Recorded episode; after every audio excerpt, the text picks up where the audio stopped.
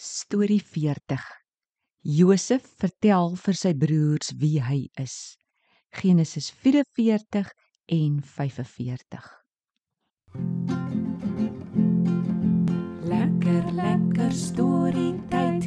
Die Bybel vat ons ver en wyd. 'n Stories van die ou ou tyd oor God se liefde vanaf daardie tyd. Sy liefde loop deur ons eie tyd tot Jesus kom vir die ewigheid.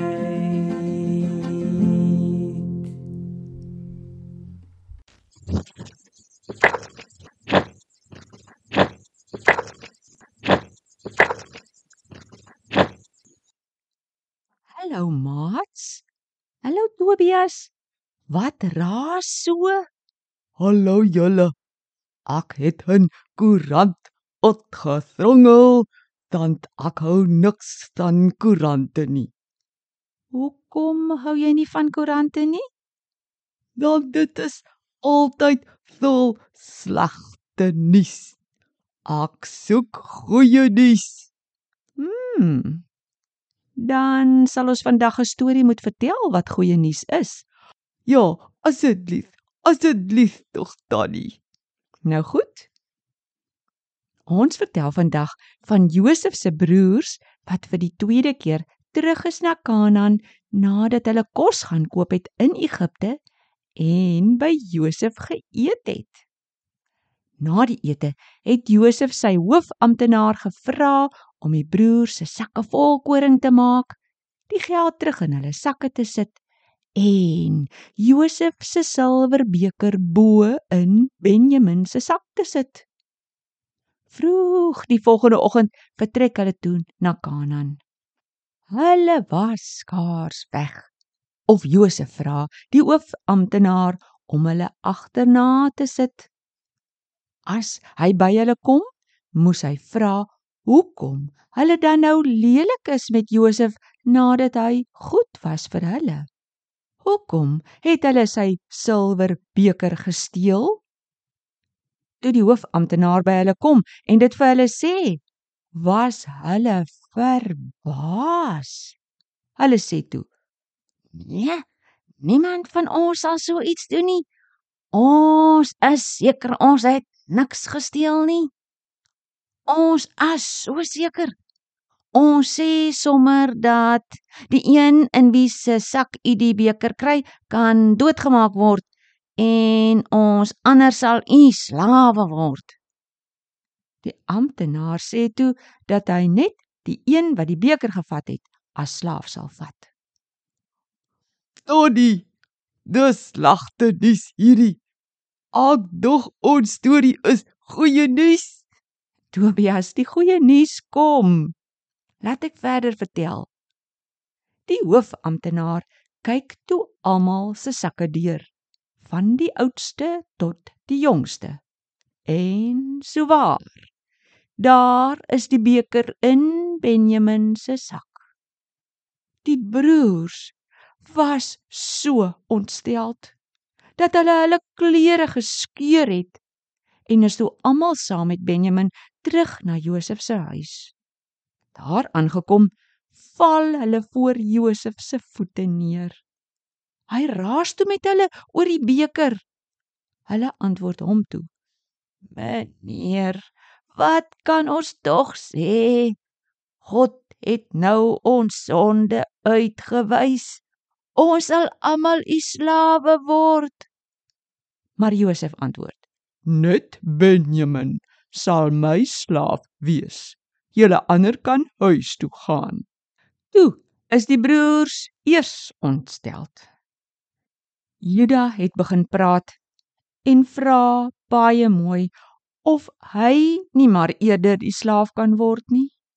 Hy verduidelik vir Josef dat Jakob se vrou vir wie hy die liefste was, net vir Benjamin en nog 'n seun gehad het. Die seun is dood.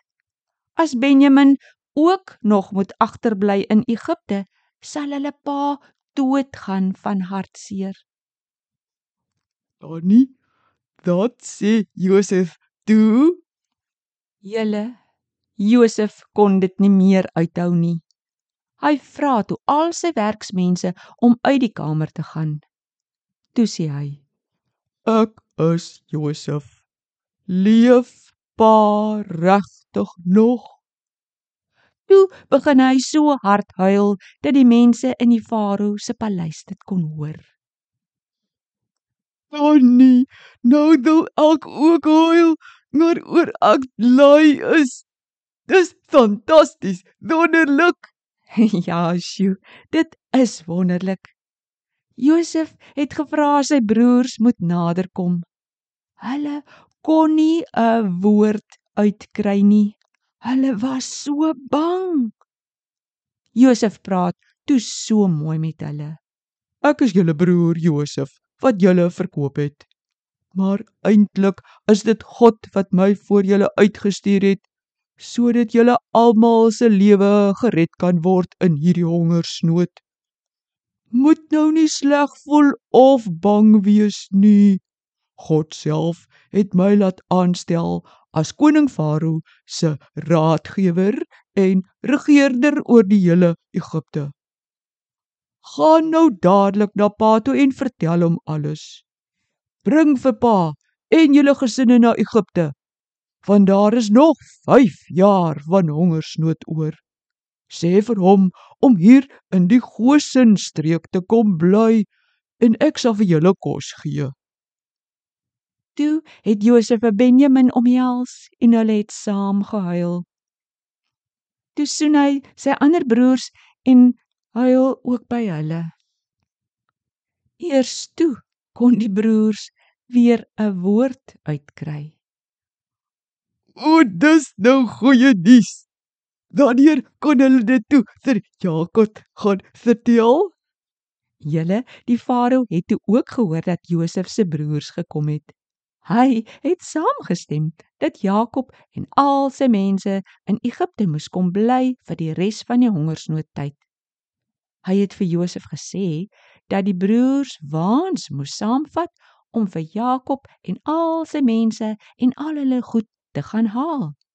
Josef het 20 donkies met klomp padkos saamgestuur en ook klere vir elke broer. Benjamin het sommer 5 stelle klere gekry.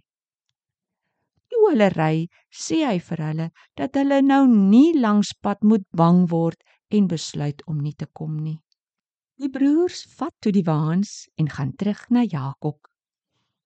Daar aangekom sê hulle: Josef leef vandag en regeer oor die hele Egipte. Jakob het hulle net aangekyk en het hulle nie geglo nie.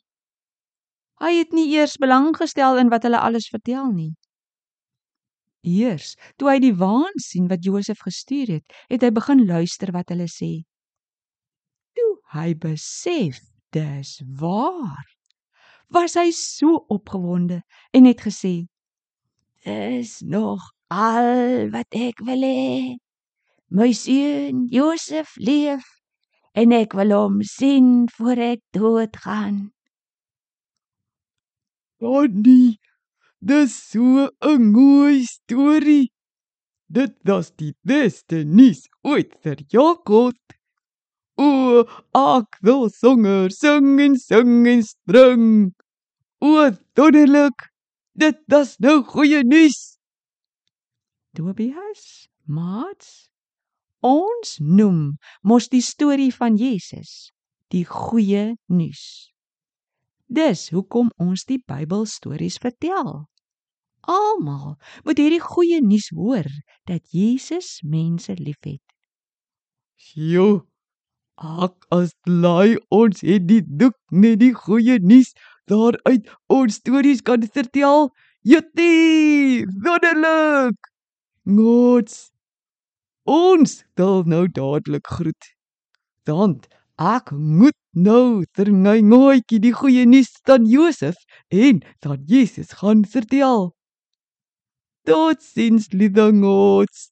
Kom gou weer te nog stories. you